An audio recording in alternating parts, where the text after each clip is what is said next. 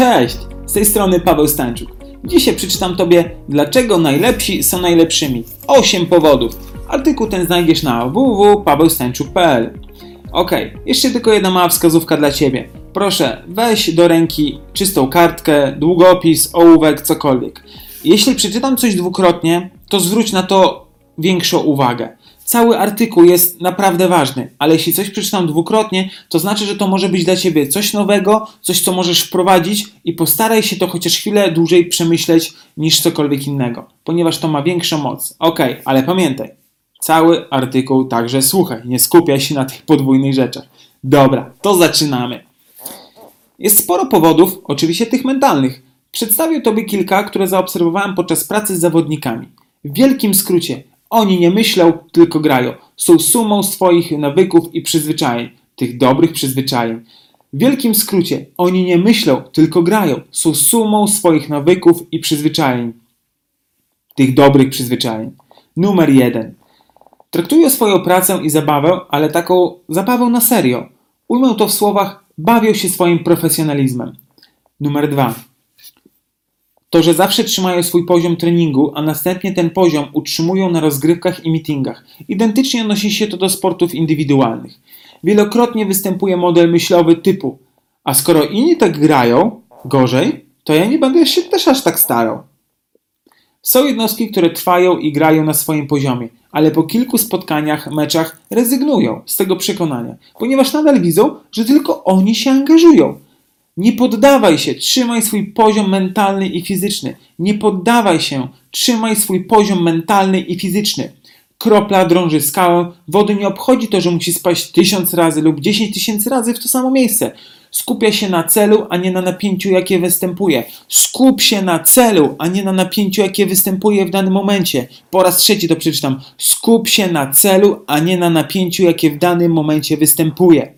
Numer 3 nie uzależniają swojej gry od poziomu przeciwnika, a częstym czynnikiem i podświadomym działaniem jest to, że uzależniają. Jeśli grasz ze słabszą i młodszą drużyną, to pamiętaj, że oni mają wiele determinacji, aby skopać tyłek tobie i twoim ziomkom z drużyny. Numer 4. Myślę, że ty także możesz tak mieć, że nagle jak dostajesz szansę grania z najlepszymi w drużynie, której jest bardzo dużo dobrych zawodników, to nie będziesz się ociągał i grał na luzie. Wątpię. Będziesz napierał ile wejdzie, żeby wygrać i pokazać, kim naprawdę jesteś ty i twoja drużyna. Tylko weź pod uwagę, że tutaj także burzy naszą czujność zbytnia pewność siebie, gdzie odnosisz wrażenie, że skoro jesteś większy i silniejszy, w cudzysłowie, to wygrasz. Goliat także tak myślał, a tutaj nagle zjawił się Dawid i pozamiatane. Nie lekceważ przeciwnika, nie lekceważ przeciwnika. Szanuj go pod każdym względem, ponieważ wtedy będziesz bardziej czujny i znajdziesz jego słabe punkty, a każdy je ma. Szanuj swojego przeciwnika. Staraj się zrozumieć swojego przeciwnika, jak gra. Staraj się zrozumieć swojego przeciwnika, jak gra. Jest to bardzo dobre odniesienie do bramkarzy, ponieważ spoglądasz, jak oni bronią, w jaki sposób i ich obserwujesz. Obserwuj swojego przeciwnika. Numer 5. Nie uzależniają swojego samopoczucia od pogody. Dużo osób trenuje i oni wiedzą, że pogoda czasem nie sprzyja. W takich przypadkach wtedy żartobliwie, pytam siebie, czy to wiatr mocniejszy wieje?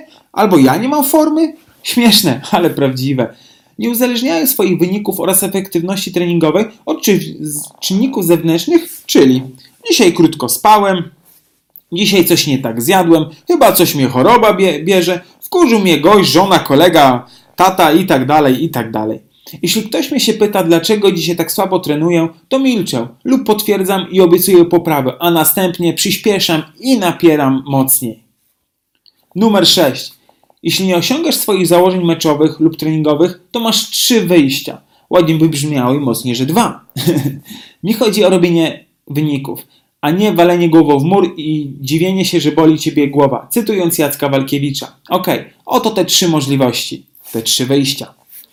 Przeanalizuj i pomyśl, gdzie popełniłeś błąd w ustawianiu swoich słupków możliwości. Niestety formy nie robisz w jedną noc, ale przez miesiące i lata. Pokora i cierpliwość. Miej pokorę i cierpliwość. To jest jedno wyjście. Drugie wyjście. Napieraj mocniej, więcej i dłużej. Napieraj mocniej, więcej i dłużej. Pamiętaj, I trzecie wyjście, w sumie nie wiem po co je pisałem, ale chyba po to, żeby cię bardziej uświadomić, idź do domu, jak już nie dajesz rady.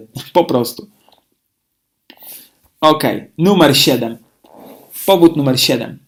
Wykonują więcej niż od nich się oczekuje. Trener powie 20 rzutów, ty wykonasz na 70% skuteczności. To się nie jaraj tym. Podnieś poprzeczkę i pokaż, że przy 30-40 rzutach masz taką samą skuteczność. Bycie najlepszym to odpowiedzialność. Bycie najlepszym to odpowiedzialność. Jesteś obserwowany, więc nie podniecaj się małymi rzeczami, tylko pokazuj drogę, jak dojść do większych rzeczy. Bądź lepszy od siebie z dnia wczorajszego. Bądź lepszy od siebie z dnia wczorajszego.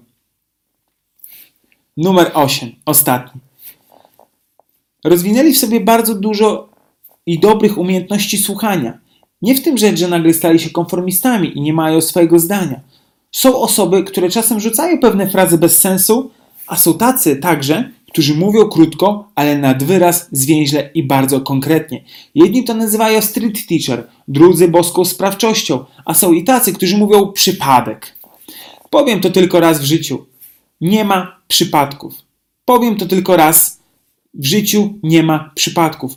Powiem to tylko raz. W życiu nie ma przypadków. Pamiętaj. Ja ufam także w boską sprawczość. W życiu nie ma przypadków. Wszystko jest planem, który odczytujesz kolejno przeżywając każdy dzień, mecz, każdy kawałek swojego życia. Ok.